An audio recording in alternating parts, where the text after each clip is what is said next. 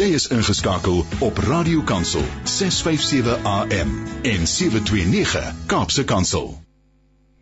'n Hartlike goeiemôre en baie welkom by Met Hart en Siel. Ons gaan soos ouer gewoonte op 'n Dinsdag saam kuier hier op Radio Kansel en Kaapse Kansel tot 11 uur en ek wil jou dadelik uitnooi kuier gerus saam vanoggend. Ehm um, dit reën katanonde hier in die noorde. So ehm um, ons sal hoor graag van jou WhatsApp vir ons na 082 657 2729. Jy kan ook 'n stembota 'n bota 'n stemnota stuur. Estie Geldenhuys is hier by my in die ateljee môre Estie. Goeiemôre, dit is so wonderlik om hier te wees tussen al die waterdeurne. Hoorie, ons het amper ingeswem. ja, dit is wonderlik. Die hele nag gereën, dit reën kliphard in Johannesburg gedien ja. waar ek vandaan gekom het. Maar ons is hier en Soos beloof aan ons luisteraars gaan ons vandag ons gesprek afsluit oor gebed. Ehm um, die die gesprek het begin as gevolg van hierdie wonderlike boek wat Estie geskryf het, Ontmoet God in gebed, ehm um, uitgegee deur Lux Werby. En natuurlik Estie soos altyd kon ek en jy nie klaarmaak in die eerste gesprek. Dis die twee gesprekke. Maar vandag nee. maak ons klaar. Vandag beloof ons ons ja, maak klaar. Ons maak nee, klaar. vandag maak ons klaar en dit is nou vir my interessant. Ek het nou ehm um, die Bybel hier oopgemaak by Jona.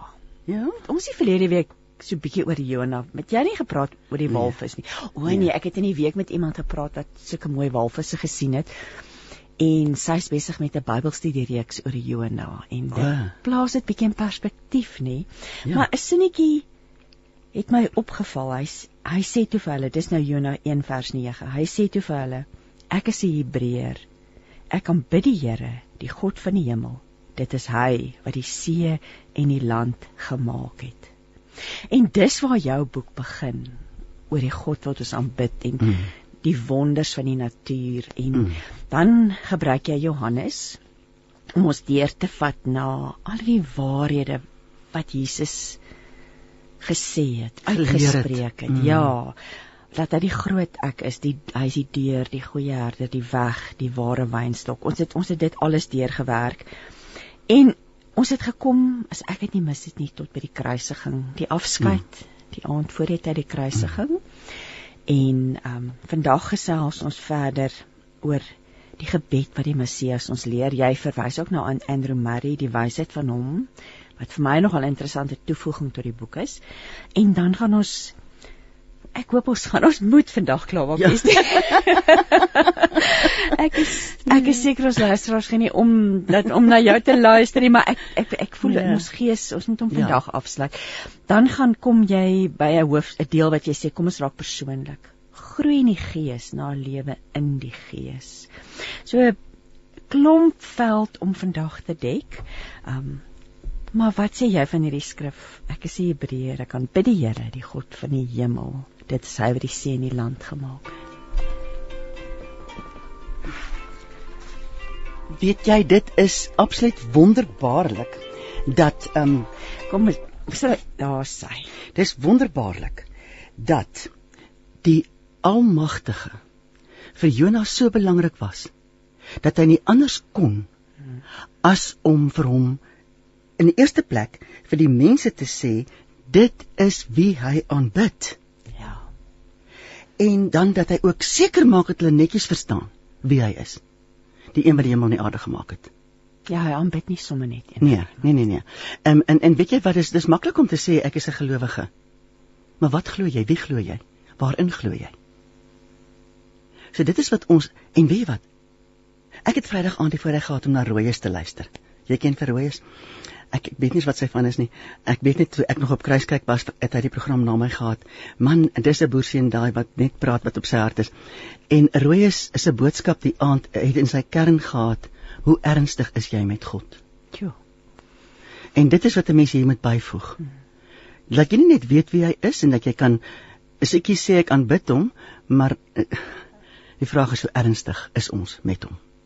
En en dit is wat elke mens net vir homself kan uitmaak maak nie saak wie en waar jy is nie. En weet jy wat so wonderlik is is dat as jy vanoggend na ons luister en jy voel jou verhouding met die Here is nie wat dit moet wees nie. Sy genade is elke oggend nuut. Amen. Ja. Amen. En en sy arms is oop. Hy sê elke keer kom na my toe almal wat vermoeid en belas is en ek sal julle rus gee. Nie grief nie. Ja. nie reprimand nie. Ek sal jou rus gee. Dit is sy hart. Ja. Ja, verseker. Kom ons beweeg verder aan. Jo, hierdie boek is so vol vol wonderlike inspirasie om ons gebedslewe te verdiep. En weet jy, ons kan almal daarmee doen. Ja. Ons kan almal daarmee doen daai. Ja, ja, ja. En die dit wat ons leer. Ek het gister 'n stukkie gelees wat Joyce Meyer geskryf het wat sy gesê het verandering is so moeilik. Is mm. moeilik en ons sukkel daarmee, maar as ons onsself verdiep in die woord en ons luister na God se leiding en ons spandeer tyd saam met hom, sal hy ons deur watter verandering of ongemak of watse situasie in ons lewe ook deurvat, nê? Hy sal ja. ons deurtrek en ons gaan nie net dit oorleef nie, ons gaan ook floreer. Ja, um, ons leef in 'n tyd van baie verandering, so die anker van gebed is ja noodsaaklik. Maar kom ons praat 'n bietjie oor Andrew Murray. Wat het jou laat besluit om om Andrew Murray se leringe te betrek by die boek? Weet jy toe ek nou die die hele ehm um, loop van die boek so bedink en beplan het, het ek dit besef 'n mens moet daarby uitkom om praktiese riglyne te gee oor gebed. En ek het toe pas 'n boek van Andrew Murray deurgewerk en ek het net besef hierdie man het soveel insig gehad. En hy hy het dit so prakties en eenvoudig uit uitgelê dat ek toe toestemming gekry het om sy lering te gebruik. Letterlik, hoekom moet jy die wiel herontwerp terwyl daar iemand is wat 'n intense verhouding met die Almagtige gehad het en wat dinge aan my geopenbaar het in die boek wat ek nooit verstaan het nie. En um, kan ek dit asseblief net aangee? Ja. Jy weet so dit is ja. dit is die dit was my hart. Ja. Ek het ontvang en dit wil ek vir jou aangee. Daarom het ek uh, die boek en die titel van die boek is Met Jesus in die skool van gebed. Is die boek ooit op Irak nog of dink jy? Nee, nee, nee. Maar is dit goed uh, word ek dink tog daar's goed vir sy boeke word nog kan jy glo. Ek kry weer en weer van sy boeke wat nog in die buiteland in Engels gedruk word. Dis interessant. Maar die kerels wil dit nou net nie meer in Suid-Afrika druk nie. Hoekom nou nie? Ons moet al 'n bietjie opstaan en vra hoor. en maar juist dan is dit wonderlik dat jy besef het maar hierdie ja. is lering wat aangegee moet word. Dit moet aangegee word. Dis nie meer beskikbaar op die rakke nie en en ons moet Maar ons moet wat 'n lieflike titel met Christus in die skool van gebed. Ja, ja. En nou, jy sê hy het in 1937 al verskyn hierdie. Ja.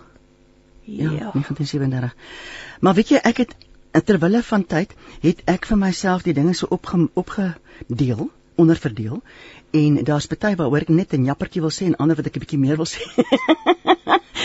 so, as ek dan nou kan vir jou vertel wat is die kruks van dit wat my ander Marie vir ons leer? Is die eerste deel het hy dit oor die geweldige wete ontmoet hom. Hmm. Wie jy, Christine? Hoe maklik is dit om op jou sterre te loop sit en 'n rympie af te rammel en jy dink jy het gebid. Maar dat jy nog net in jou eie kop rondgeloop. jy het jou eie 'n eh, um, noot het jy miskien uitgespel of jy het al jou vrae gevra, maar nie eers regtig daarop gelet dat jy met hom kontak maak en dat jy met hom in kontak is nie. So die eerste ding wat Andrew Murray sê is ontmoet hom. En skrif wat hy ook gee in hierdie hoofstuk is Hebreërs 4 vers 15 en 16 want ons het nie 'n hoëpriester wat nie met ons swakhede medelee kan hê nie, maar een wat in alle opsigte versoek is net soos ons, maar sonder sonde. Hy het nooit gesondig nie. Vers 16.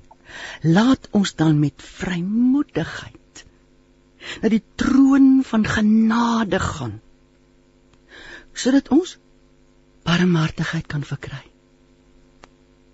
en genade vind om op die regte tyd gehelp te word. Ja. Weet jy, ek het kan ek en ek sê sonder om enigsins persoonlik te raak. Ek het in die naweek het daar iets met my gebeur wat my ongelooflik ontstel het. dit was baie persoonlik. En ek kon nie glo wat gebeur nie. En ek het dit net vir Vader gegee. En gesê wat nou? Weet jy en uiteindelik het ek in sy autoriteit net gestaan. En net met liefde, maar autoriteit het ek gereageer op die situasie. En ek het dit gelos. En die volgende oomblik toe draai alles om.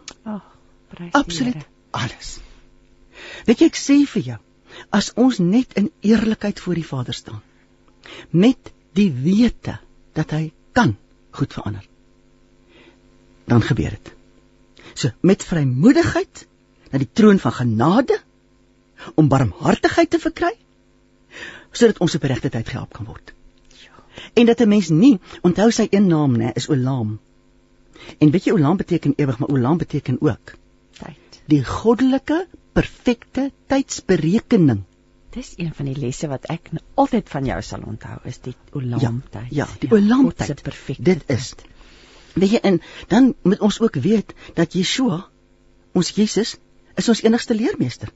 Lukas 11:1 lees En toe hy op 'n sekere plek besig was om te bid, sê een van sy disippels vir hom nadat hy opgehou het: "Here, leer ons bid." Soos Johannes ook sy disippels geleer het. En hy het hulle leer bid. En dis uit wat hy, hoe hy hulle leer bid het, wat ons ook die lesse moet leer. En in die boek byvoorbeeld gee ek ook mos elke keer aan die einde van 'n hoofstuk ja. vir selfstudie en daar is ook daarvan is daar baie in die boek. En ek wil regtig mense wat die boek lees aanmoedig. Moenie na die volgende hoofstuk gaan voor jy nie self op jou tyd wat God van jou vra deur dieselfde studie geblaai het nie.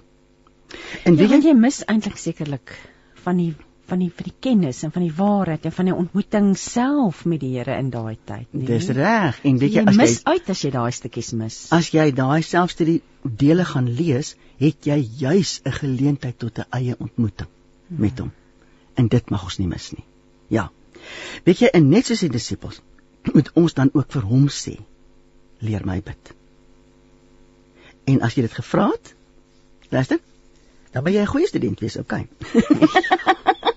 dan moet jy kies om te gaan sit en werklik waar. En weet jy wat, die eerste ding wat mens onthou is God is gees. Ons moet hom volgens Johannes 4 vers 24 in gees en waarheid aanbid. Gees en waarheid. Wat beteken dit? Die waarheid kom uit die woord. Die gees gee hy vir ons en hy gee vir ons openbaring deur die gees. Hoeveel keer lees jy dieselfde skrif weer en weer en elke keer is daar iets anders wat jy daarin snap.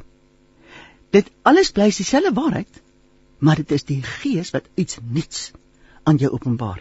Ek wil vir jou lees uit Johannes 16 vers 7 tot 9. Maar ek sê vir julle die waarheid. Dit is vir julle voordelig dat ek weggaan, want as ek nie weggaan nie, sal die Trooster nie na julle kom nie, maar as ek weggaan, sal hy kom, sal ek hom na julle stuur. En as hy kom, sal die wêreld oortuig hoor mooi van sonde van geregtigheid en van oordeel.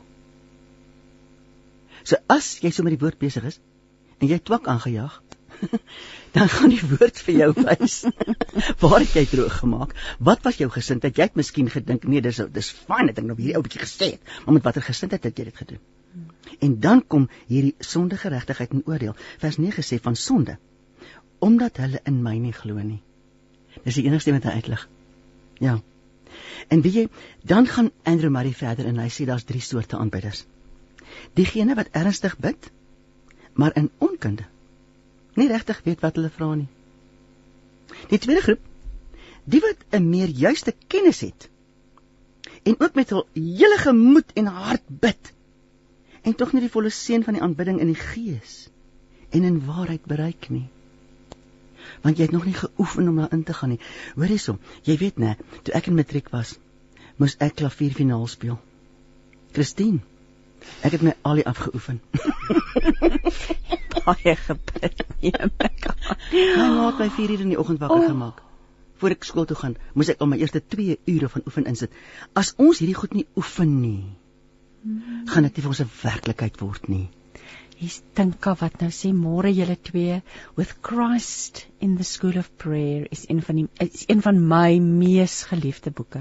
Dit breek die persoonlike gebedsverhouding met ons en die Heilige Vader oop. Hy ken ons in elk geval. Dit oorweldig my dat sy gees in ons mos God self is en ook Jesus self is wat wat ons gebed verander na sy gedagtes oor ons. Onbeskryflik is hy. En ek sta, stem saam met Estie dat ons elke hoofstuk eers ons eie moet maak voordat ons verder kan lees. Ja dankie Tinka vir daardie daardie stukkie wysheid wat jy met ons gedeel het vanoggend en dan sê Ursula nou storm is too big to handle when you have faith in God. Amen. Amen. Dit is die waarheid. So dit ag dis heerlik as as jy met ons uh, gesels en kontak maak. Ek en Estie geniet dit baie. Um, maar ons het ek het jou nou in die rede geval. Dis reg. Ek wou graag Tinka se WhatsApp gedeel het. Dis reg. So dis daar's drie tipes drie persone of drie tipe aanbidders. aanbidders ja, ja. Die een wat ernstig bid, maar in onkunde niks bereik nie. Die tweede een wat 'n meer juiste kennis het, maar die gemoed in die hart verhinder dat daar reg waar iets deurbreek. Hm. En dan is daar die derde een. Ons moet Jesus vertrou om ons in die derde groep in te neem waar ons deur hom geleer word om in gees en waarheid te aanbid. Groot verskil tussen bid en hm. aanbid. Ja.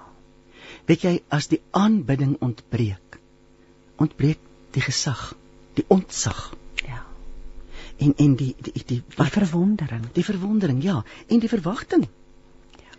Weet jy in God is gees en hy's waarheid.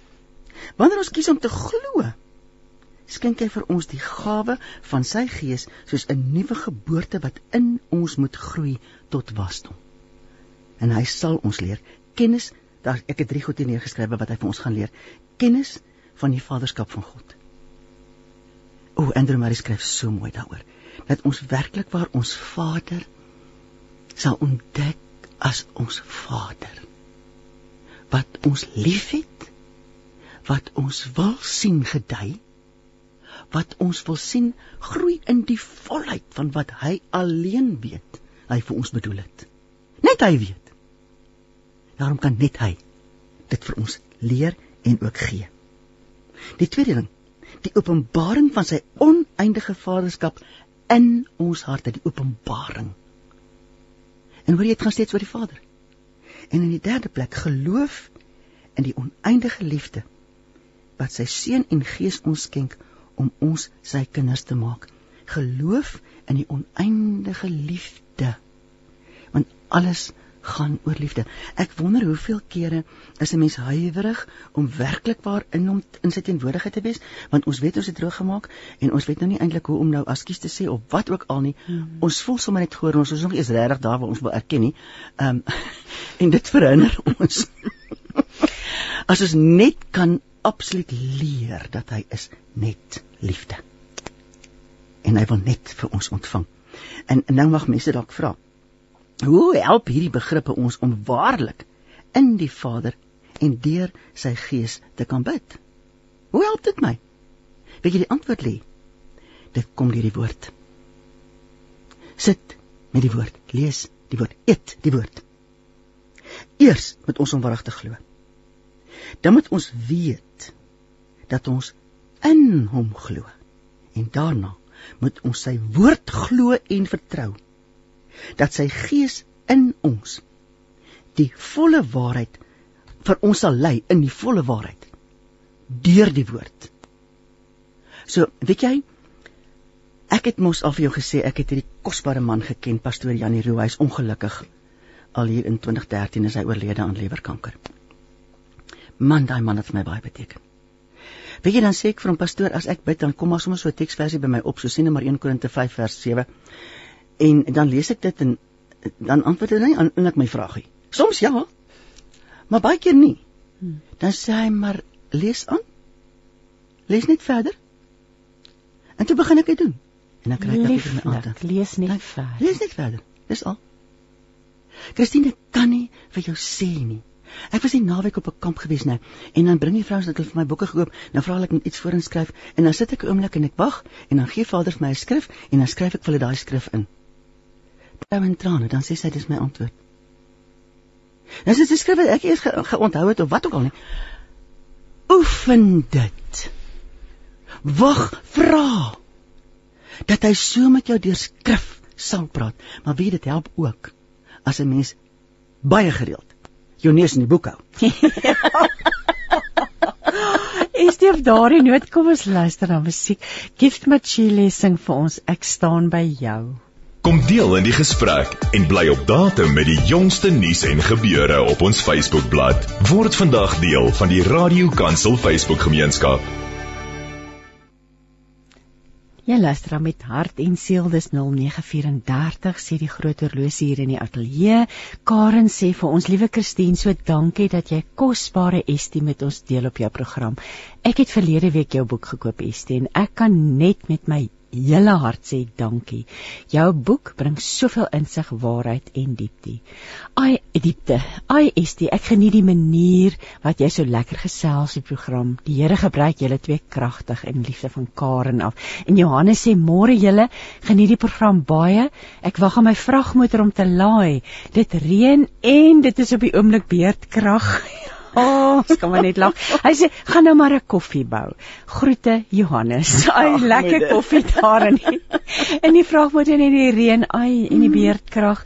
Ja, ja, ja. Ons staan sterk. Ons net staan so. op die staan op die woord. Daar's hy, daar's hy, ja. Is dit die gebed wat die leermeester vir ons geleer het om te bid? Ja, Matteus 6, ja. Wat hy vir ons geleer het in die bergpredikasie, ja, né? Ja. Weet jy, dit is wonderlik hoe ehm um, Andrew Murray dit alles oopbreek.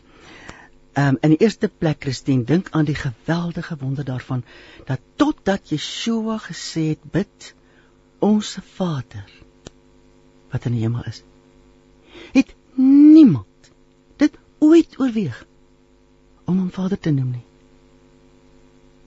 Hulle het allerlei name, al nou sit en dink aan die Ou Testament en dat dit was offerandes. Daar was dit was 'n ander manier ja, ja, van kommunikeer met persoonlike gesprek. Die, maar van van dat Jesus gekom het, het alles verander. Alles het verander. Dit word 'n persoonlike gesprek en dis Vader. Wat is 'n Vader? Genade.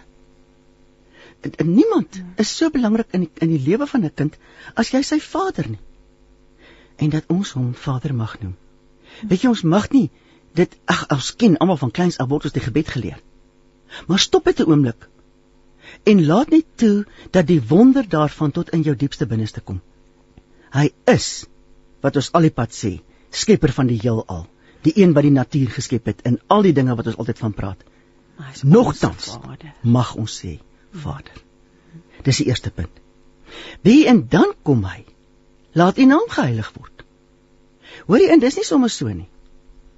Want ons lewe, ons getuienis ons reaksie, ook as die taxi vinnig voor jou inswaai,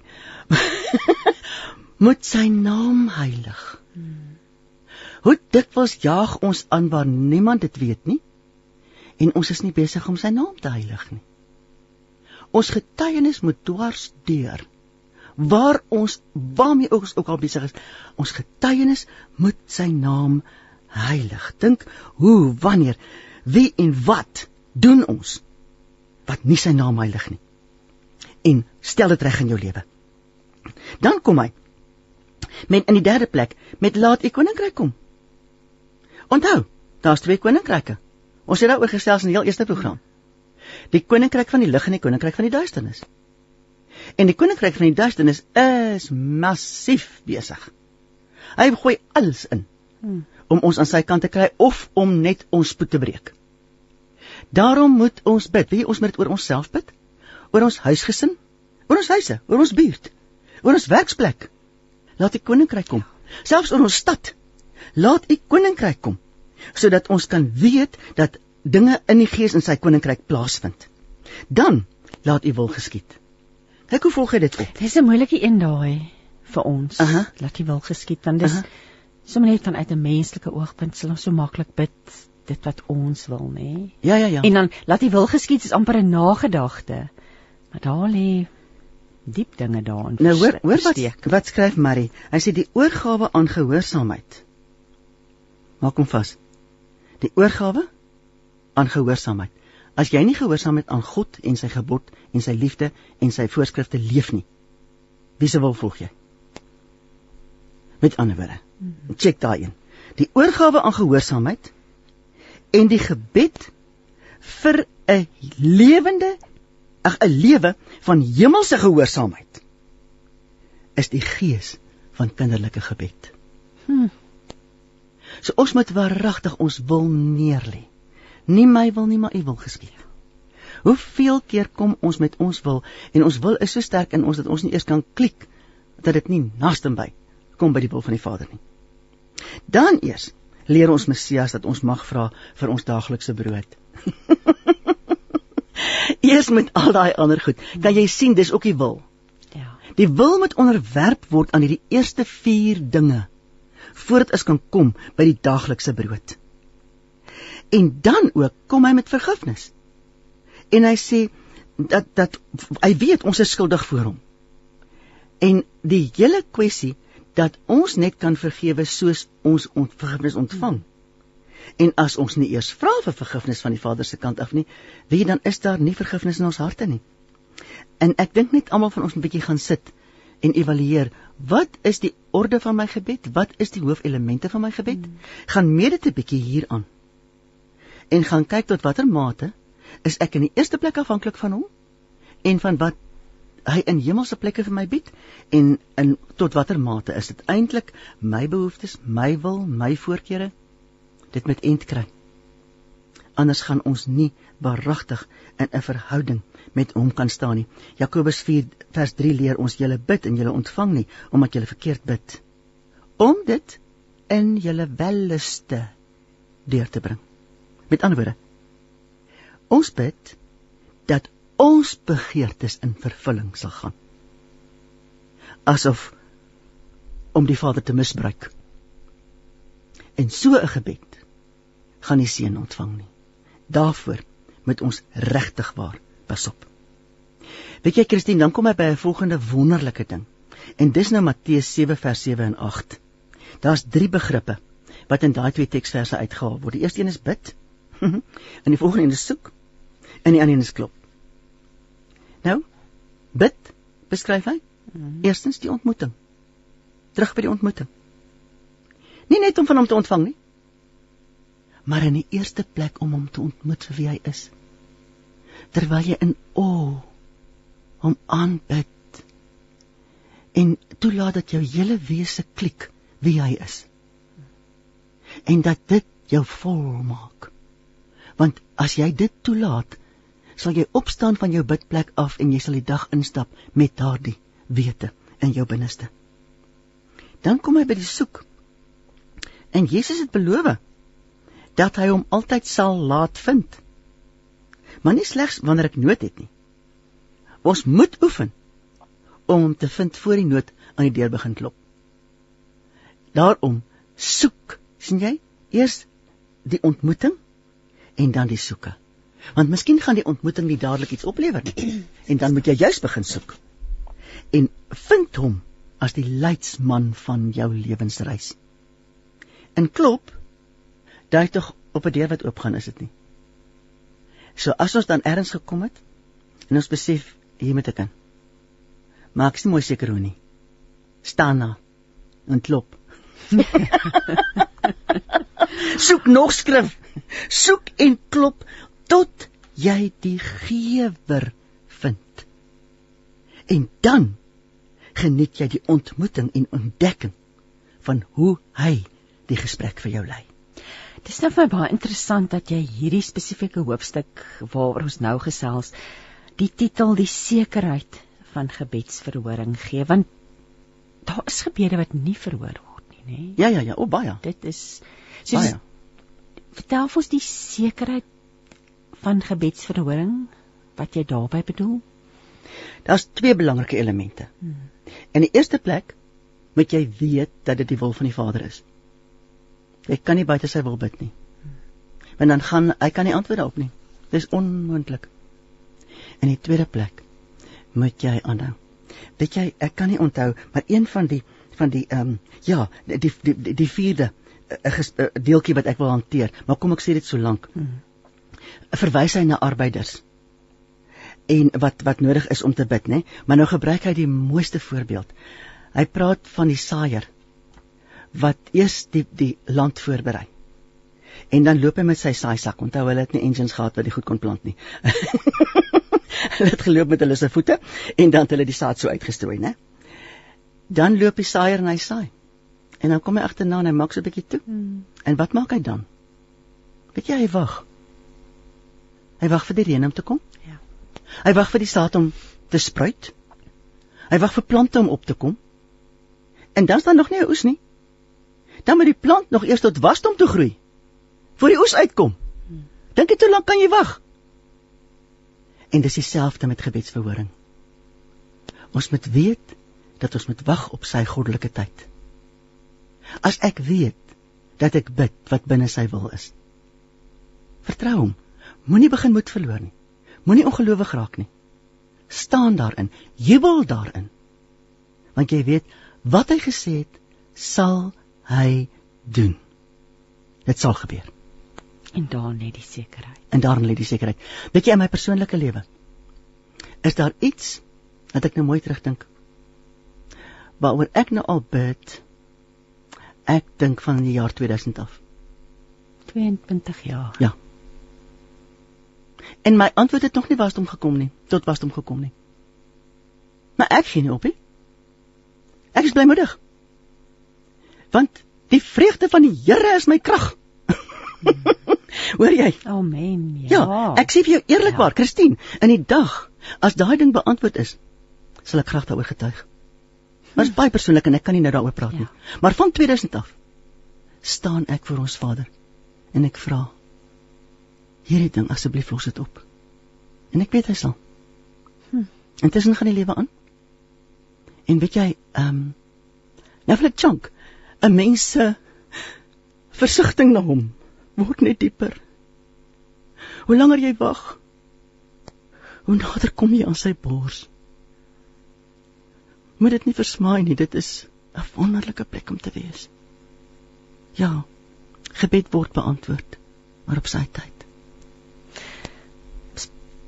Belangrike woorde vandag want 'n mens kan ook bitter raak en jy kan moed verloor en jy kan eintlik wegbeweeg. Mm. Mm.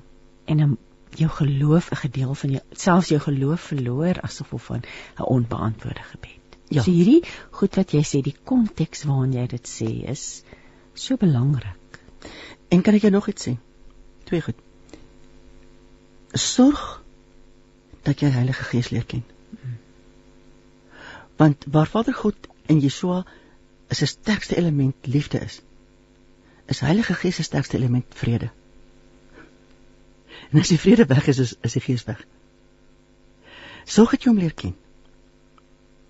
En en en weet jy, in die tweede plek moet ons waaragtig weet dat sy gees ons sal bly bedien en bly begelei in hierdie periode wat ons wag. En dit is hoekom dit so nodig is dat ons hom sal ken en op sy begeleiding sal wag. En hy gaan baie gou vir jou sê as jy begin droog maak, as jy moedeloos raak of wat ook al, gaan hy vir jou sê, nee nee nee nee nee, nie daai kant en nie die kant toe. Verseker. Ja. En en weet jy om om toe te laat dat Vader jou bedien met dinge. Ehm um, ja, soos boeke skryf. Dis my bediening om 'n boek te skryf. Want die Here God bedien my. Hmm. Jy weet. So ehm um, en, en dat 'n mens nooit sal verloor wie jy in hom is nie. Want wie ons in hom is, is wie ons werklik is. En dit is so maklik. Nou hierdie naweek weer op die vrouekamp. Weet jy, Christine, ek sien net weer en weer op opkampe hoeveel vrouens loop rond en dink hulle is nie goed genoeg nie. Weet jy, dit gaan my verstand te bowe en ek glo dit is 'n absolute plan van die bose. Ja om ons te keer om te wees wie ons moet wees. Waar het dit vandaan gekom? Weet jy, ek dink in ons kleintyd al gebruik die ja. vyand en ek dink dis man se probleem ook. Hulle hulle praat net nie daaroor nie. Ja. Maar weet jy, um, ek dink in ons kleintyd gebeur daar klein pakgoedjies. Jou ouers gee jou 'n pak slaag oor iets wat nie eintlik 'n pak slaag werd was nie en daarmee saamkom 'n boodskap van ek is nie goed genoeg nie. Hmm. En as jy hom uh, wel 'n klein kindjie wat weet 'n klein kindjie om so iets te sê nee, ek, ek gaan dit nie glo nie. Maar as daar as die ouers ook nie hulle kinders dophou of wat ook al nie of as jy nie in jou later lewe tot die plek kom om te besef hier is goed wat van my kleintyd af al by my broei en dis nie nodig nie. Vader help my, ek gaan nou hierdie leuen afsny. Ek gaan dit nie meer glo nie. Betsy vra herhaal asseblief die naam van Estie se boek. Betsy, die boek is Ontmoet God in gebed. Die uitgewer is Lux Werby. Pas vars op die rak. Maar kom ons luister na musiek. Um Willem van der Rust gaan vir ons sing. Gee 'n bietjie. Learn more, live more, love more. Radio Pulpit 657 AM, your daily companion. Jy luister dan met hart en siel, is die Geldenhuis kuier by my in die ateljee en ons gesels oor gebed en hoe belangrik dit is om intieme verhouding deur gebed met God te kweek en dit na te streef te soek. Jy het jy het gesê eer die woord. Ons het begin gesels oor die rol van die Heilige Gees en die vrede van die Heilige Gees. Mm. En wat gebeur as dit afwesig is? Um Wat wil jy vir ons nog sê oor die Heilige Gees? Weet jy Andre Marie uh, begin by 11 uh, uh, Lukas 11 vers 13. As julle dan wat sleg is weet om goeie gawes aan julle kinders te gee. Hoeveel te meer sal die hemelse Vader die Heilige Gees gee aan die wat hom bid. Vra. En uh, jy gaan bedien word deur hom. Hoor. Heilige Gees. En jy sien, Christine, nou moet jy weet in hierdie weer die ateljee waar ons nou sit. Het ek eendag daar gesit waar jy sit en ek het weerskant het ek 'n man en 'n vrou gehad wat in die sendingveld was en ons het 'n hele program gemaak. Ek dink dit was ook 'n 2 ure lange program geweest en ons het die hele tyd gesels oor alles wat hulle in die in die sendingveld beleef en da da da. Maar die hele tyd is ek so bewus daarvan dat hulle die die voor Heilige Gees weglaat. Hmm. Die lidwoord. Hulle het hom ge heeltemal geverloor. En toe die program klaar is, het ons daar binnekant aan die voorportaal en ek sê vir julle kan nie loop, julle moet eers vir my verduidelik. Wat is julle storie met die lidwoord? Hoekom laat julle die lidwoord weg?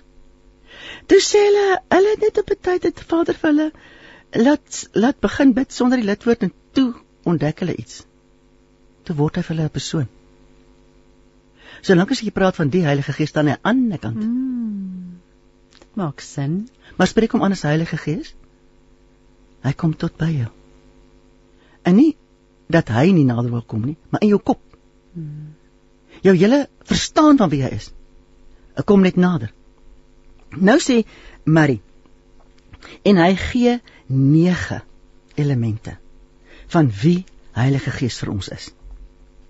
Hy is die Gees van genade. En ek kan nou nie al die skrifte hier lees nie, maar as ouens nou 'n skryfding het blik hom gou naby en skryf net die teksverse af wat ek nou vir jou gee en gaan check hulle 'n bietjie uit. Hy sê Heilige Gees is 'n gees van genade. En daarvan lees jy in Hebreërs 10 vers 28 tot 29. Om net te weet, Hebreërs 10 28 en 29, om net te weet dit gaan oor genade in die eerste plek. Nie om gesep te word nie of om verstok gekry te word nie. Nee, Gaan oor genade. Sy genade is so groot. In die tweede plek is Heilige Gees 'n gees van geloof. Johannes 3:16. As jy glo, ontvang jy. In die derde plek is Heilige Gees 'n gees van aanneming en versekering. Hy neem aan en hy verseker vir jou dat jy nie 'n stiefkind of 'n drink aan die agterspeen kind is nie jy's in die hart kind. En dat dit gaan jy kry in Romeine 8 vers 15. Wie dan is hy waaragtig die gees van waarheid? Ons lees daarvan in Johannes 15 vers 26. Net die gees van God kan die volle waarheid van die almagtige Vader aan ons openbaar. En hoe weet jy dat jy met die waarheid besig is? Jy het vrede. Hmm. En as jy nie vrede het nie, stop soek. Dan, in die vyfde plek, die gees van gebed. Deur wie ons tot die Vader spreek. Daar's so baie woord daaroor. Ek het nie een hier neergeskryf nie, maar dit dit staan die hele Nuwe Testament vol. Die gees van gebed As ons waaragtig met die Vader praat en geskied dit deur hierdie Heilige Gees, wat die Gees van gebed is. En dan is daar die Gees van oordeel. Ons het hom net nou gelees, um, Johannes 16 vers 8. En dan is daar die Gees van heiligheid. Hy bring heiligheid en hy openbaar aan ons wanneer ons verkeerd is. Dit dit is die oordeel wat dan in ons opkom. En dan is daar twee laastes: die gees van krag en die gees van heerlikheid. Jy moet onthou, Christine. Ek was nou kan ek nie onthou wat die wat die jaar was nie, maar dit was voor 2000, was ek in 'n motorongeluk gewees en ek het nie 'n veiligheidsgordel gedra nie, ongeskik ongehoorsaam gewees en 'n kar het van voor af my vasgery op 'n draai en ek het ek is uitgeskiet met die slag en my voorkop het die voorruit van die kar gebreek. En ek het teruggeval op die stuurwiel en toe teruggeval op my sitplek en toe uitgepaas van pyn. En die pyn was van my kroontjie tot my sitvlak. En ek het later, ek weet dat my gees uitgeroep het. Jesus. Jesus sonder ophou. En uiteindelik het ek bygekom genoegsaam om te kon bid. En toe bid ek Vader op grond van u belofte in Johannes 14:12 maak nou heel. Ek het gesê maak heel alles wat in my liggaam stikkend is. En ek het dit in krag gebid. Weet jy hulle het my nek in die hospitaal daarna geëkstry, ekstra gevat van die nek. Dis al. 7 jaar later. Osteoporoose toets. My hele rugstring bekyk. Toe vra die dokter vir my, "Mevrou, wanneer het jy jou rug gebreek?" Toe ontdek ek dat ek daardie dag in die ongeluk my rug gebreek het. Die krag van gebed het gemaak dat Vader my so aanraak, net so toets. En dit my rug aangegroei. Krag. En daai krag kom deur die Gees van God. Ons Vader bied ons dit alles aan in sy woord. Ons moet dit net glo en dan ook ontvang. Dit is wie Heilige Gees vir ons is. Dis baie interessant in daardie hoofstuk het die tweede deel het jy 'n paar stellings wat jy maak wat nou in die titels van die hoofstukke is. Maar net so belangrik, jy sê gebed voorsien arbeiders. Wat bedoel jy daarmee? Dis nou die volgende een waarby ek kom. So ek en jy is nou op dieselfde bladsy. Dieselfde bladsy. Ja ja ja ja. Dis ek is gefassineerd deur wat jy nou vir ons daaroor gaan sê. Weet jy, ehm um, sonder arbeiders kan 'n oes nie ingebring word nie. En ons weet dat dit op meer as een plek word beskryf dat daar 'n finale oes is wat moet inkom voor die wederkoms van die bruidegom. So daardie uh, oes moet ingebring word, né? Maar dan sê hy hierdie oes sal net kan ingebring word as daar gebid word vir die arbeiders. Ons lees in Matteus 9 vers 36 en 38 dat Jesus na die skare mense kyk en hulle innig jammer kry. Hulle is moeg en uitgeput sien hy. En hy beleef ook dat hulle so skape sonder 'n herder is. So hy kyk vir die mense hmm. en hy sien dit. En daarom maak hy 'n opmerking teenoor sy disippels. En hy sê die oes is groot, maar die arbeiders min. min ja. Ja.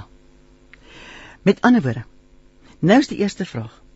As dit in die woord staan dat Vader arbeiders sal voorsien, glo ek en jy dat ons eie gebed deel kan wees van hierdie inbring van die oes.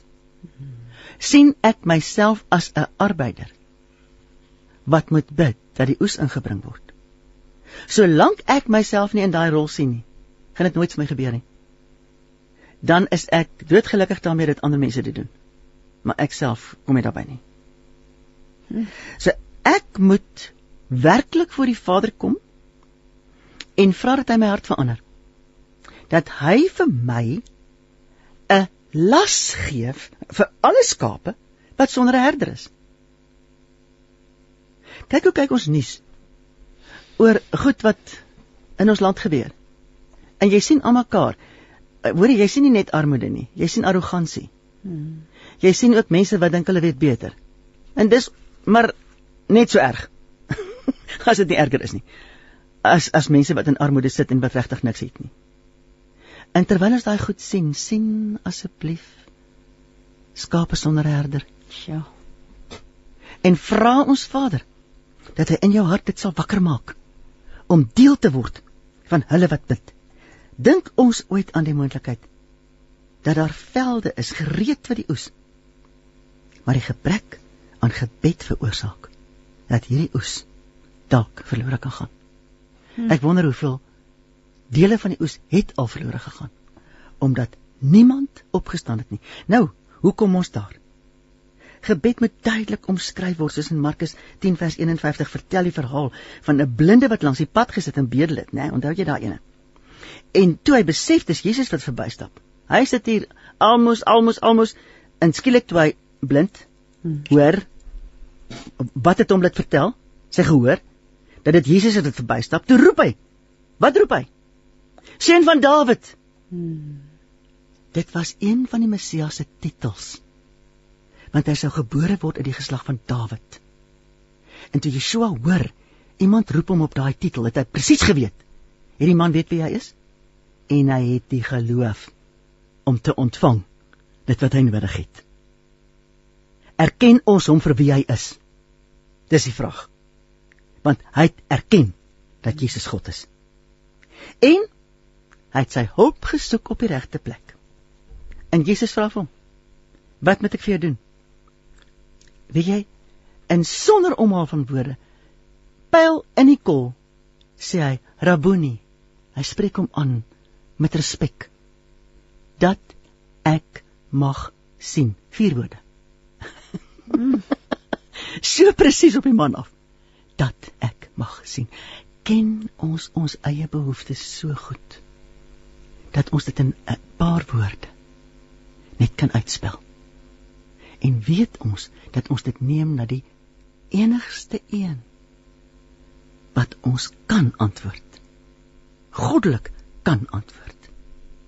Ons moet ook leer om behoeftes raak te sien toets dit dan op grond van die woord of dit eerlik en waaragtig is jou behoefte. Is dit eerlik en waaragtig? Nie volgens die versinsels van ons vlees nie. Maar volgens die woord en vra dan gelowig. Hmm. Christibel sê môre Christine en Estie, dankie Here vir die bemoedigende kragtige boodskap. Ek kom Desember Suid-Afrika toe en gaan definitief Estie se boek vir my koop. Die Here se seëning oor julle twee. Liefde groete Chrissy. Chrissy is een van ons gereelde luisteraars en sy woon in Engeland. Is altyd lekker om van jou te hoor Chrissy. Ons weer is vandag so 'n bietjie Engels. Ja. kom ons luister na musiek en ag Joshua na die reën gaan vir ons sing die wêreld binne my. Geen rompslomp, geen tierlantentjies. Dis net klanke van die lewe op 657 Radio Kansel en 729 Kaapse Kansel. Dis 11 minute oor 10. Jy luister nou met hart en siel. Is die Geldenhuis kuier net ateljee en ons gesels oor gebed. Is die ons kom nou by vas en gebed en die belangrikheid daarvan. Weet jy, ehm um, Wat is vas? Vas is om jouself iets te ontsê. Soos koffie of kos. Dit koffie. Maar weet jy wat? Vas kan ook wees nee, om te Ja, ek snap ja. nou, ja. ja. Maar vas kan ook wees om te vas byvoorbeeld van televisie of te ja. vas van jou foon. Ha? Hmm. Ek weet nie wat dit kan regkry nie. Ehm um, of hoeveel mense dit sal regkry, maar in elk geval om te vas beteken om weg te bly, jou te onthou. Hmm van wat dit ook al is wat die Vader op jou hart sit. En dit is baie interessant om te luister na mense wat wat getuig oor vas en dat ehm um, mense oor byvoorbeeld daar was iemand wat eendag gesê het Vader het hom uh, uh, gevra of hy asseblief sal vas daarvan om ehm um, um, um, man wat is billboards in Afrikaans? 'n borde waarop daar advertensieborde advertensieborde ja. Hy moes vas om advertensieborde te lees. En dis 'n ou wat self sulke goed skryf en hy check altyd wat gestaan daar geskrywe en het dit ja. gewerk, wat wat ja. kan hy leer en en hoe erg dit vir hom was om nie daai goed te lees nie. Jy weet so ons vader kan jou vra om enigiets te van enigiets te vas. En maar nou skryf Andrew Murray oor die diep betekenis van vas. Want dit is maklik om te sê vas en da, maar waaroor gaan dit regtig waar? Wie hy skryf 'n hele hoofstuk daaroor waarvan ek nou net die kruks wil uithaal. Asseblief, as jy Andrew Murray se boek ook in die hande kan kry, ehm um, lees dit.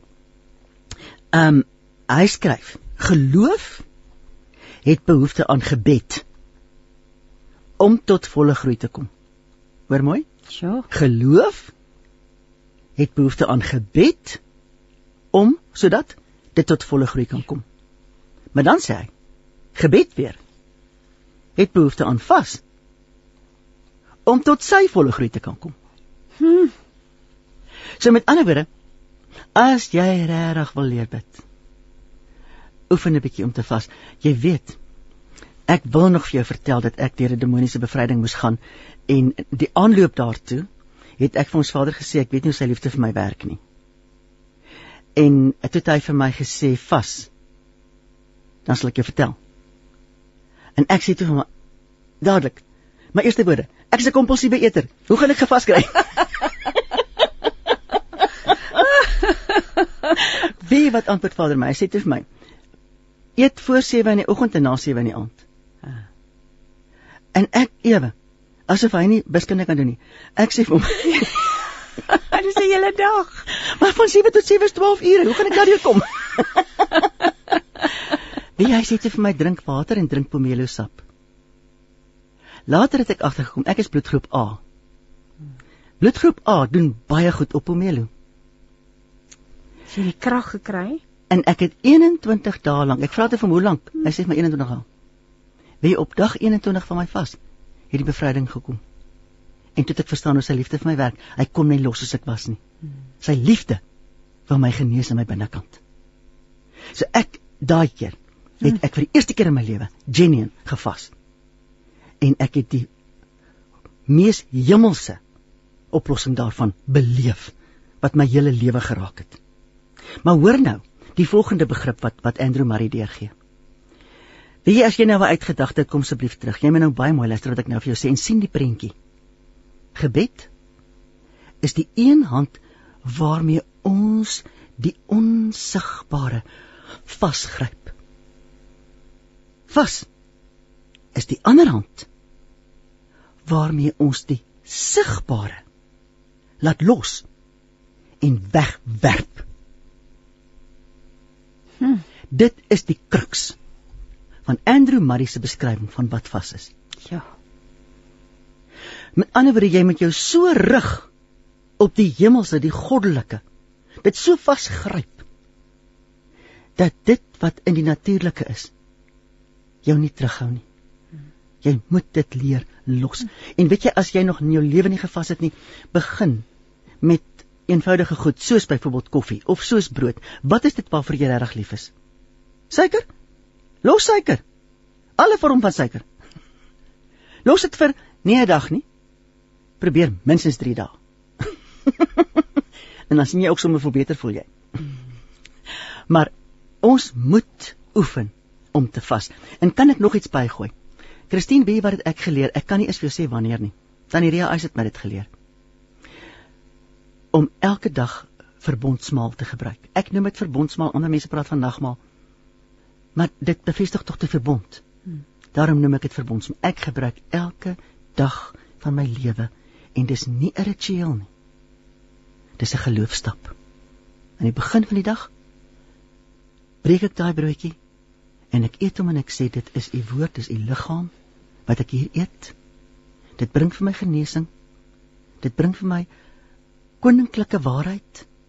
Dit bring vir my deurbrake.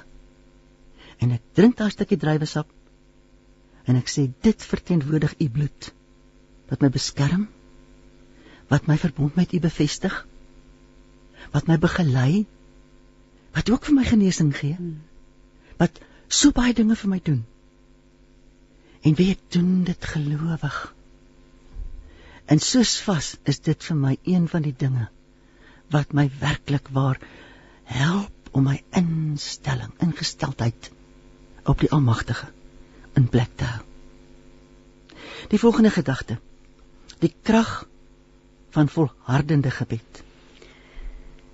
Jy wil iets sê? Nee, ek dink onmiddellik aan jy wat vir 20 jaar al oor iets bid en ek dink elkeen van ons lesers of luisteraars kan hiervan getuig nie dat daar iets is wat hulle mm. eintlik al vir jare lank voorbid. Ja. Ja, ja, ja. En daar's mense wat met baie ernstige die probleme sit. 'n Kind of dit of dat, jy weet. Ja. En en net om te weet, hoor jy, so moenie ophou nie, moenie ophou nie. Weet jy, ek dink nou onmiddellik aan Iwer Swarts wat hier in die ateljee gesit het en ehm um, hy het mos ook 'n wonderlike verhaal getuienis mm en wat hy gesê het as sy ouma nie vir hom gebid het nie, het wow. hy nie vandag hier gesit nie vir al die wow. jare deur alles wat hy is. Mm. So al, al dink jy jy bid vir jou kind en niks gebeur nie, mm. jy sien mm. niks nie. Ja ja. Ja ja. Dan gaan 'n dag kom. Ja ja. Ja ja. Wat dinge verander. Ja. ja. Wie wie wat is ook vir my belangrik, Christine, in hierdie hele opset? Ehm um, ons moet almal verstaan wat ons naam beteken.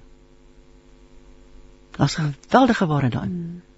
Want elke keer as ek vir jou sê Christine, ek dink jou jou naam beteken seker verlosser, volgeling van Christus. Volgeling van Christus. Hmm. Elke keer wanneer ek jou naam noem Christine, profeteer ek oor jou dat jy 'n volgeling van Christus is. Hmm. My naam het drie spellings. En in my greetigheid het ek al drie gevat. ek kan vandag nie eens onthou wat eens watter een nie. Maar wie my naam beteken armed. Met ander woorde, ek is my my wapenrusting is is op uh, in plek. Victorious, oorwinnaar. Hmm. And fulfilled. Vervulling in die krag van God. Armed, victorious and fulfilled. En soveel keer sê ek vir Vader, dankie dat my ouers my dit genoem het. Want ek glo ook dat ons name werklik waar ehm um, jy weet deur Vader bepaal word ter wille van 'n roeping wat op jou lewe is. Ehm um, ja, die krag van die gebed. Twee voorbeelde uh, wat ek wil noem. Yeshua verwys in Johannes 11, hy bid vir Lazarus dat hy uit die dood moet opstaan. Maar hy staan daar. Lazarus Lazarus lê nog morsdood, toegedraai in doeke binne in die graf. Maar die hulle die klip weggerol en daar staan Yeshua. En wat sê hy? Hy begin sy gebed met hierdie woorde: Ek dank U dat U my verhoor het. Nog voor hy iets gevra het. Ek dank U dat U my verhoor het. Omdat hy glo dat dit gebeur. Dat dit reeds gebeur het. Bid hy so. Daar's nog 'n kosbare voorbeeld in Psalm 2. Daar kom die duidelike autoriteit van Christus ten opsigte van die koninkryk van die Vader. En dit lees, ek lees vir jou Psalm 2 vers 8 tot 12. Eis van my en ek wil nasies gee as u erfdeel. Hoorie. Hierdie woorde geld vir ons ook, hoor. Hy sê eis. Dis 'n wille woord. Dat ons mag eis. Eis van my en ek wil nasies gee as u erfdeel en die eindes van die aarde as u besitting. U sal hulle verpletter met die eysterstaf. U sal hulle stukkend slaan soos 'n erdepot. Wees dan nou verstandig, o konings. Laat julle waarsku oor regters van die aarde. Dien, hoor mooi, dien die Here met vrees en juig met bewering. dien hom met vrees en juig met bewering en dan kus die seun. Weet jy wat 'n kus die seun se ware betekenis? Intimiteit met hom. Kus die seun. Dat hy nie toornig word en julle op die weg vergaan nie. Want gou kan sy toorn ontvlam. Welgeluksalig is almal wat by hom skuil. En dit is die gesindheid van die Vader, eis van my, kus die seun en jy sal ontvang dit waarvoor jy vra. Krag van volhardende gebed. Ek is bly jy praat nou daaroor want ek, ons ons kry ook gereelde gebedsversoeke. Mense wat jaar week na week, jaar na jaar maar die met dieselfde goed sukkel. Wat se woord antwoord verdere antwoord. Jy het al so baie gesê, maar vir so 'n persoon wat bid en voel dinge word nie beter nie begin juig oor jou omstandighede. Weet jy wat? As jy in opregtheid wil juig, gaan jy iets vind om voor te juig. Al is dit dat daar voeltjies in jou tuin sing. Wat niks met jou probleem uit te waai nie. Al is dit dat jy sê dankie dat ek kos in die kas het. Juig oor iets wat vir jou werklik is. En dit gaan jou gemoed lig. Dit gaan jou help om jou aandag weg te vat van dit wat jy so voorwaag. En dit gaan jou bring in 'n ander verhouding met hom en op 'n ja. verander ander ja, stand. Dit is 'n reg goeie woord daarvoor. 'n ja. Ander plek. Dit vat jou net na 'n ja, ander plek. Dit vat jou na 'n ander plek toe. Want ons raak moedeloos. Ja. En en dikwels is dit ander mense se gedrag wat ons dryf te plek wat ons voel die Here beantwoord nie mm. ons gebed mm. nie. En wie wat dit Gerda laat het my geleer. Soek iemand anders wat dieselfde probleme as jy het en bid vir daai mens. dis wonderlik. Is dit nie amazing nie? Soek iemand anders wat dieselfde probleme het as jy en bid vir daai mens. Bid vir die ander persoon, ja. Wie dan dan sit mense so in karring by jou eie geite nie. Dit dit lig jou ook op. Ja. En as daai ander mens vir jou begin terugvoer gee dat sy goeders verbeter, jubel dan. Moenie dan weer sê nou word van my, my nie. ja. Regtig, dit is 'n omvattende onderwerp. Ja, dit is. Dit is en kan jy sien dat dit alles wegkyk van jouself hmm. na die Almagtige. Absoluut. Ek dink ons grootste probleem is hierdie gebinne toe kykery. Jy sien, ek het mos my drama leerlinge geleer. Ons liggame knak op sewe plekke. nou moet ek 'n lang storie maak nie. Kan nou ons nog op sewe plekke knak? Ek ken jy. Van onder af 3, van bo af 3 en, en en dan is daar die laaste ene. Die enkel knak. En ons kry 'n woord en ons begin hardloop met daai woord in die enkel knak sonder dat ons eers die knie geknak het voor die Almagtige om seker te maak dat ek reg gehoor het.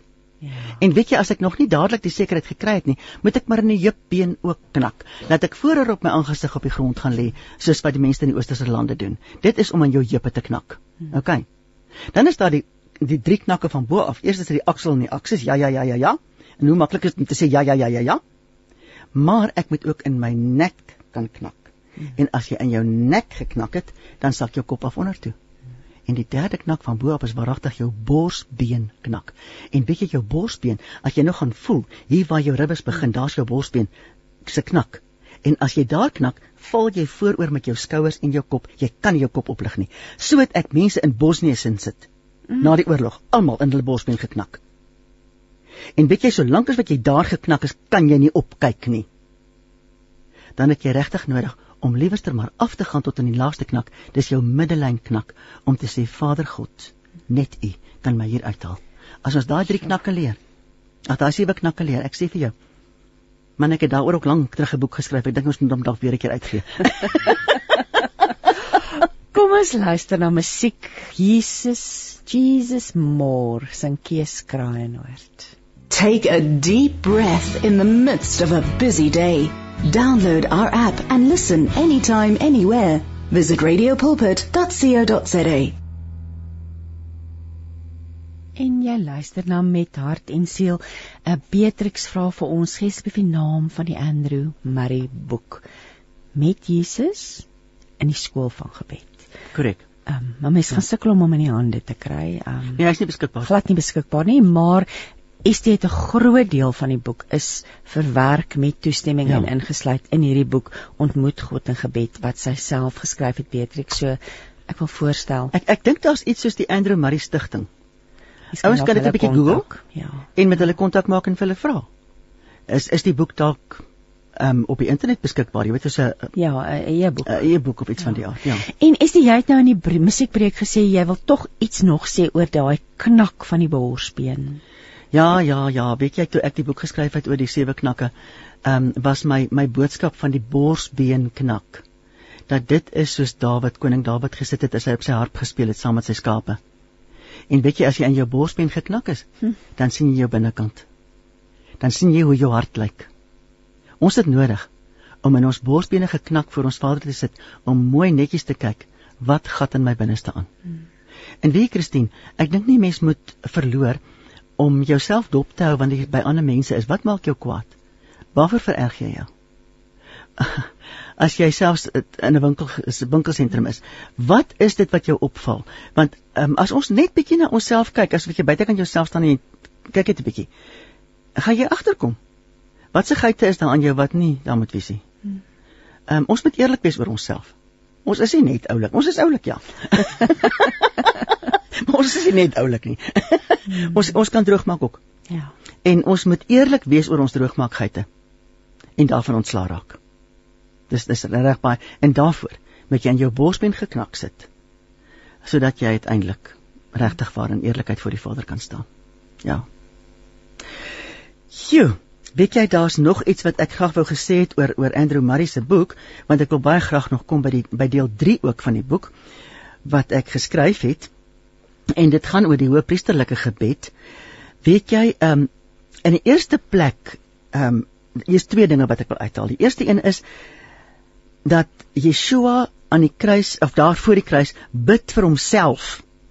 En ons het in 'n vorige gesprek gepraat oor die verheerliking en gesê hoe wonderlik dit is dat die Vader verheerlik is deur alles wat Yeshua op aarde gedoen het, ja. né?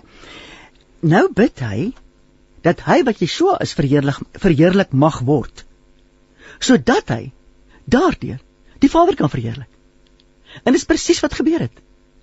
Want hy het deur al hierdie ongelooflike verguising gegaan gesterf aan 'n kruis en toe opgestaan uit die dood en opgevaar na die hemel en daardeur die Vader verheerlik.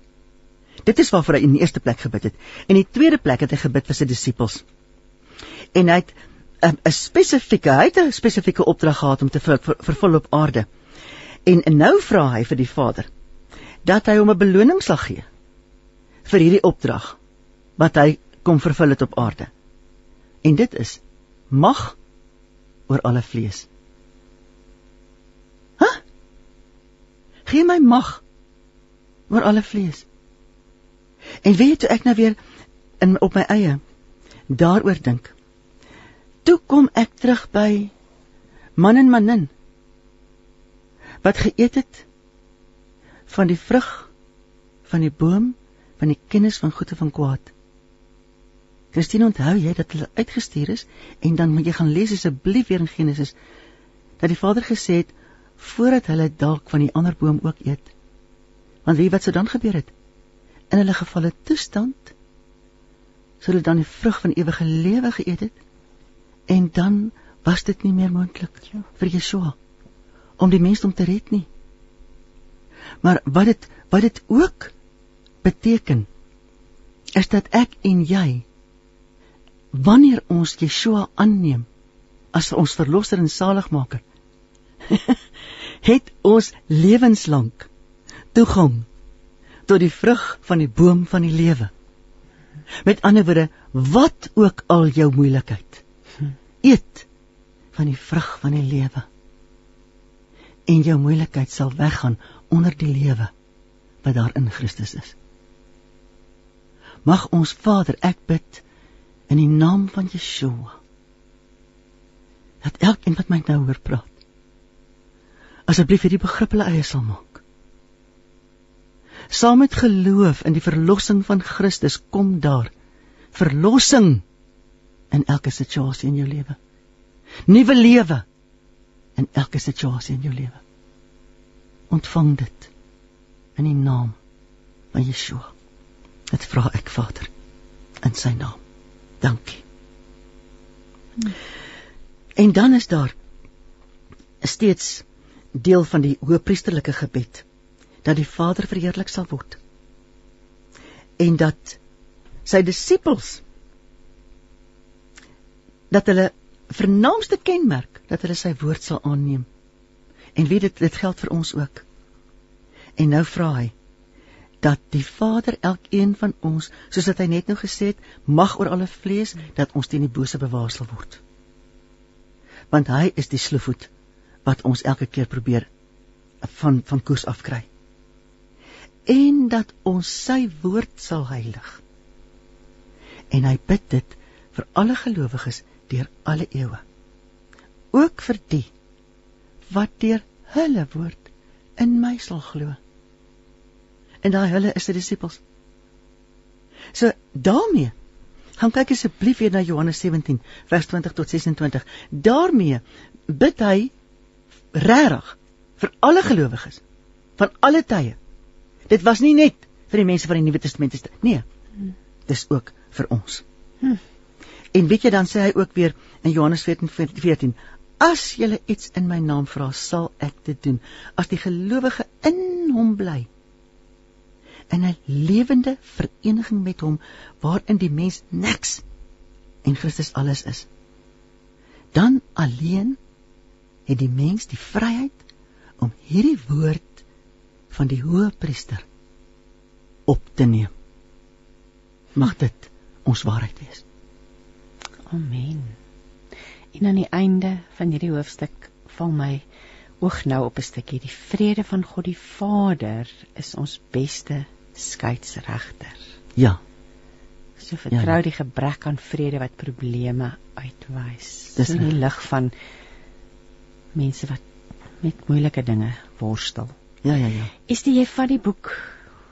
Dis nou so 20 1038 so ons ons nou 'n bietjie gesels oor die laaste deel van die boek en net so belangrik en dit is kom ons raak persoonlik.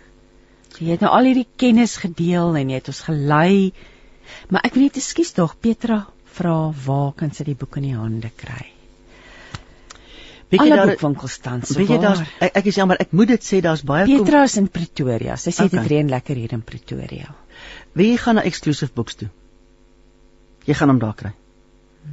Want baie mense kontak my en sê ek staan in 'n Koem, Koem boekwinkel en hulle sê hulle ontvang dit nie. Hmm. So, ehm um, as jy gaan soek by Koem, Maar as jy hom nie daar kry nie, gaan asseblief na Exclusive Books toe want hulle het dit. En hulle is in die meeste groot winkels hier. Ja, ja, hulle is. Ja, ja. Ja, ek is jammer dat ek dit moet sê, maar ek moet dit sê want mense bel my. Ons vind dieselfde met die tydskrif ook dat dit nie noodwendig altyd is waar jy dink dit gaan wees. Dis so, dis dit is maar 'n ja. dilemma, nê. Nee. Ja, ja, so Petra, ja. en as jy regtig nie regkom nie, kan jy dan die NB uh, uitgewer se webwerf besoek. Lux Verbi val onder NB uitgewers en jy sal die boek daar in die hande kan kry. Ehm um, ehm um, waarskynlik bestel Takealot, dis daar's dis eintlik baie, maar as jy homself dadelik wil gaan koop, ja. stem ek saam met ja. ja, ja Mens ja. moet maar vra en sê jong. Dis reg. Dit lyk vir my ons sukkel maar met partykeer met die verspreiding en die dinge. Dis reg. Ja. ja. Kom ons raak persoonlik. As jy moet mm. saamvat, ja. dis 'n eintlik 'n baie groot stuk ernstige ja. lering wat ons hier ja, ja, ja. Jy sien wat ek eintlik daar ook in wou wou oordeurgee is die feit ehm um, dat ek wou sê dit was situasies waarvoor ons gebid het waar ek of ons gesin gebid het en hoe ons Vader daarop reageer het. Hmm. En maar ek wil in die eerste plek net sê weet jy as ek en jy nie bereid is om werklik 'n uh, 'n uh, 'n uh, uitdraer van die van die boodskap te wees nie dan uh, dan moet jy maar die persoonlike deel skiep. Hmm. Want ons is veronderstel om manteldraers van die verlossing te wees. Mm. En ons is veronderstel om te getuig oor dit wat ons Vader in ons lewens doen. Mag dit vir almal van ons waar wees. En weet jy as ek nou baie kortliks in 'n netedop hieroor moet praat, moet ek vir jou sê dat en ek het net nou gesê dat ek 'n um, bevryding moes ontvang. Weet jy dat daar was 'n situasie gewees waarop ek nie kan ingaan nie, maar ehm um, ag kom ek sê dit 'n kind in ons straat, ek was 3 jaar oud het, het my gemolesteer. En my ouers het huis toe gekom en my die pak slaaf van my lewe gegee. En ehm um, dit was vir my 'n verskriklike ding. En ehm um, maar later jare het ek besef waar dit vandaan gekom het want my moeder het iets soortgelyks maar iets baie ergers oorgekom. Want sy het swanger geraak van 'n volwassene wat haar ek weet nie of dit 'n verkrachting was of wat dit was nie want sy was in staat 6. Hmm. En dit wat haar oorgekom het, wat sy definitief nooit verwerk het nie, het sy op my oorgehaal. En wie kan ek vir jou sê? Die seer kry wat ouers nie voor die Here God verwerk nie, dra jy aan jou kinders oor jy kan maak wat jy wil. Dis 'n feit. Ons moet almal klaarmaak met ons eie seer kry. Hmm. Maar uit daardie pak sla uit. Is daar spesifieke goed wat ek oor myself gedink het? en wat ek geweet het wat 'n invloed gehad het my hele lewe lank op myself sodat ek uiteindelik daarby moes kom dat ek um dat ek deur 'n bevryding moes gaan. Hm. En weet jy daarna, ek het Jesus aangeneem op 28 September 1962 in my standaard 6 jaar. Maar die bevryding het eers gekom in 1995. Hm. Tussenin het ek alles ingegooi wat ek kon. Ek was ernstig daaroor. Ek wou hom dien, ek wou hom ken, maar iets het my altyd gebreek. En eers na die bevryding het ek wat het ek verstaan? Dit wat Yeshua in sy laaste gebed dat wat was daai woorde wat ek net nou hier vir jou gesê het dat hy sal heers die mag om te heers oor alle vlees. Die vyand het steeds oor my vlees geheers. En na die bevryding wat ek besef het watter rol die vyand in my speel, kon ek dit tersyde druk. Dit is in elk geval bestraf, bestraf in die naam van Jesus. Hmm. En toe kon die krag en die mag van Yeshua kon oor my kom. En hy kon ook oor my vlees. En dit het nie maklik gebeur nie. Moenie dink dit is so swingersklap van Mary Poppins nie. Ek moes ook nog lank bietjie stry. En weet jy wat? Uit dit uit het ek op heeltemal 'n ander manier begin bid. Soos byvoorbeeld die gebed oor die oor die rug wat gebreek het. Hmm. Wat ek het gebid en ek het eenvoudig geweet dat hier gaan iets regkom. Weet jy dat my liggaam het is al twee keer gediagnoseer met kanker. Twee keer moes ek die woorde hoor mevrou jy het kanker. En twee keer het die dokters gesê, die laaste een het gesê, ek weet nie wat om jou te doen nie. Daar's geen kanker meer in jou lyf nie. Dit was ja, soos soos 'n simfonieorkes in jou kop. Maar weet jy, ehm um, hier is 'n hier is is 'n spesifieke getuienis waarna ek graag wil verwys, maar ek wil net eers sê, wanneer ons hierdie pad stap, is die ontmoeting met die Vader verskriklik belangrik om werklik sy stem te leer ken sodat ons in gebed voor hom kan staan. Ons moet hom ken deur sy woord, deur sy natuur. Hy praat met ons in drome en visioene en, en jy het net ook weer aangehaal die, die vrede wat ons werklik waar as ons skeieregter moet leer ken. Maar kan ek asseblief hierdie ding sê? My Vader Pa Ek het hulle genoem Vader Pa en Moeder Ma. Hulle was twee kosbare kosbare mense, albei baie lief gewees vir die Here. En my pa was in 'n motorongeluk. Hy het afgery saam met my sussie hulle om in in die Stilbaai te gaan vakansie hou en toe het hy om 'n draai sy kar gerol. En ons is dadelik af Kaap toe. Toe lê hy in George Hospitaal En um, ek het daar langs sy bed gesit en Vader het vir my 'n skrif gegee in Spreuke. Ek het net my amplified Bybel daar gehad en die skrif het gesê do not remove the landmarks. Sjoe. En te vra ek, Vader, wat beteken dit? Gaan hy sterf? Hm. En ek ervaar ja, hy gaan sterf. Ek kan nie vir jou sê wat dit aan my gedoen het nie. Nou weet ek dit. Wat sê ek vir die ander? Sharapakov. Hm. Ek het ek kon nie vir hulle sê nie. Ek het net gesê almal moet net asseblief kom. En weet jy? Toe moes hy daar bly lê. Almal van ons moes ons, ons ouste dogter moes toe begin werk en ons moet huis toe kom maar help om om om in haar nuwe werk en elke ding. En Christ, Christine, wat toe gebeur is dat my sussie ontdek dat my pa vir soveel jare elke maand 'n loterykaartjie gekoop het. Toe was dit nog nie in Suid-Afrika beskikbaar nie, die een in, in Australië en die ander in Duitsland en ek besefte net maar want toe ek al klaar met oom Willie Maree onderhoud gevoer daaroor. My pa het met daaroor gepraat nie. Ek het nooit met hom daaroor gepraat nie. Maar oom Willie Maree het vir my daai skrif uit is dit Jesaja 66 of 61 of ek kan nie nou onthou nie.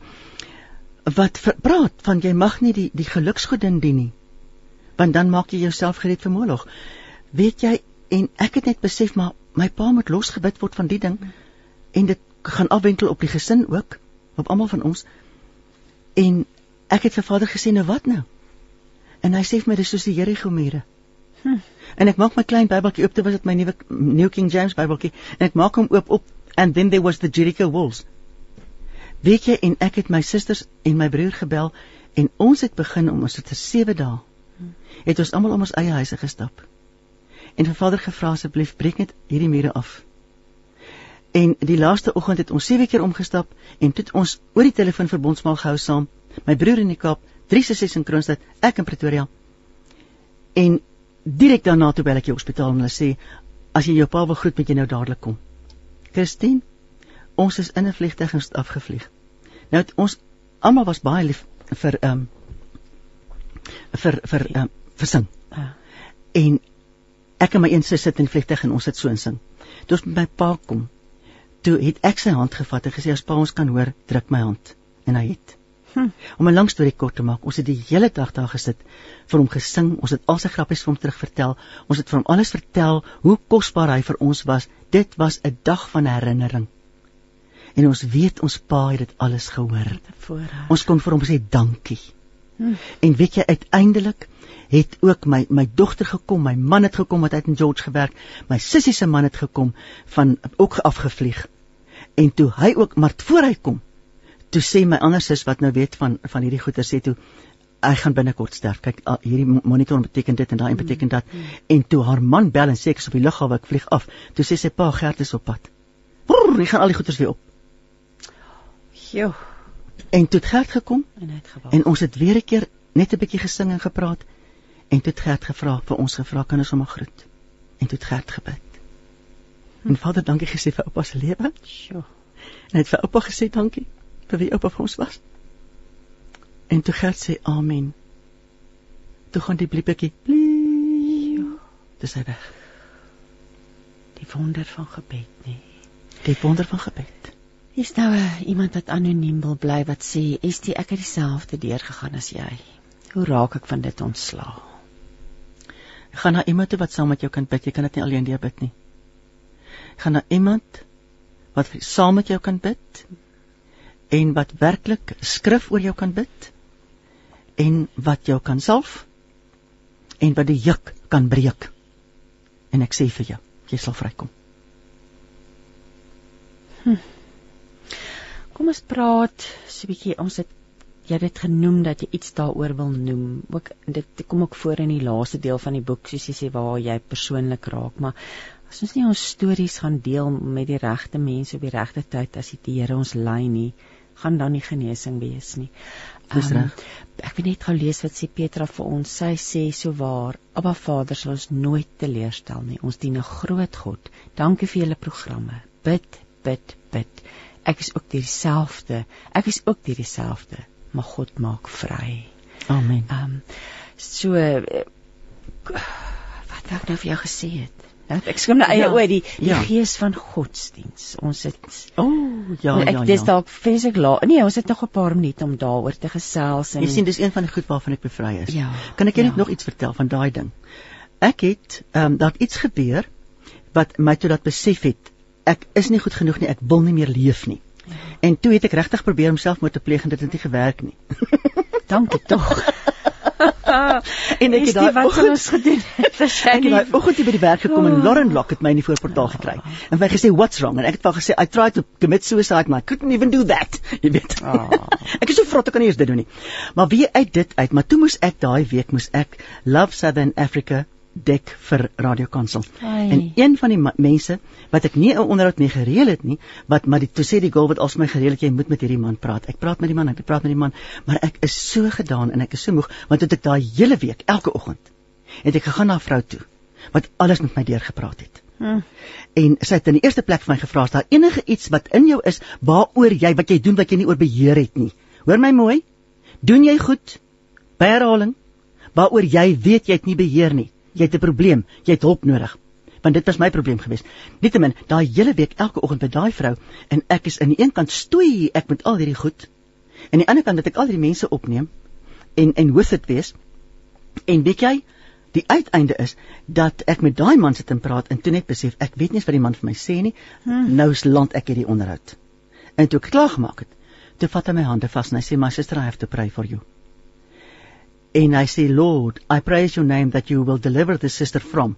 En hy gaan deur Rencha se lys uit nie een uitgelaat nie. dit was my bevestiging dat dit werklik waar my waarheid is. Maar die gees van godsdiens was tweede op die lys. En weet jy 'n gees van godsdiens is so slim. Hy weet so alles. Hy het sy eie wil en dit is wat geskied. Hmm. maar in die proses steel hy God se eer en hy doen alles volgens die letter van die wet en die inspraak van die Vader kom nêrens ter sprake nie. En dit is regtig um, iets wat waarvan ons almal moet pas op. Um, en dit is waar ek byvoorbeeld toe teruggekom het na goed toe wat met my gebeur het in in my tienertyd al. Soos dat ek voor die kansel gestaan het en gesê het ek glo dat die leer van hierdie kerk die enigste ware leer is en intussen het daardie kerk aan cessationism geglo. Cessationism is dat die werking van die gees van God gesterf het saam met die laaste apostels. Kom ons luister gou na hierdie stemnota. Hallo, dankie vir julle program. As mens nie um genees nie, nê, en dan voel jy swak, maar God is met mense en alles. Wanneer die kinders groot is en jy het as 'n moeder deur 'n egskeiding gegaan en jy het iemand weer ontmoet en jy raak verloof en jy het nie ontslaag geraak van jou seer nie, dan dra dit oor na jou kinders toe.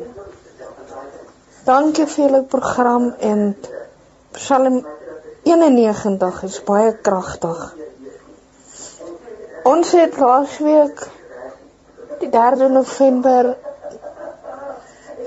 my verloofde Henry se moeder verloor. Hou julle ons net in ons gebede en op begrafte soos oor môre die 10de. Dankie Jesus vir haar hulp. Amen. Ek dink Estie dis gepas om dalk nou met 'n gebed af te sluit. Mm.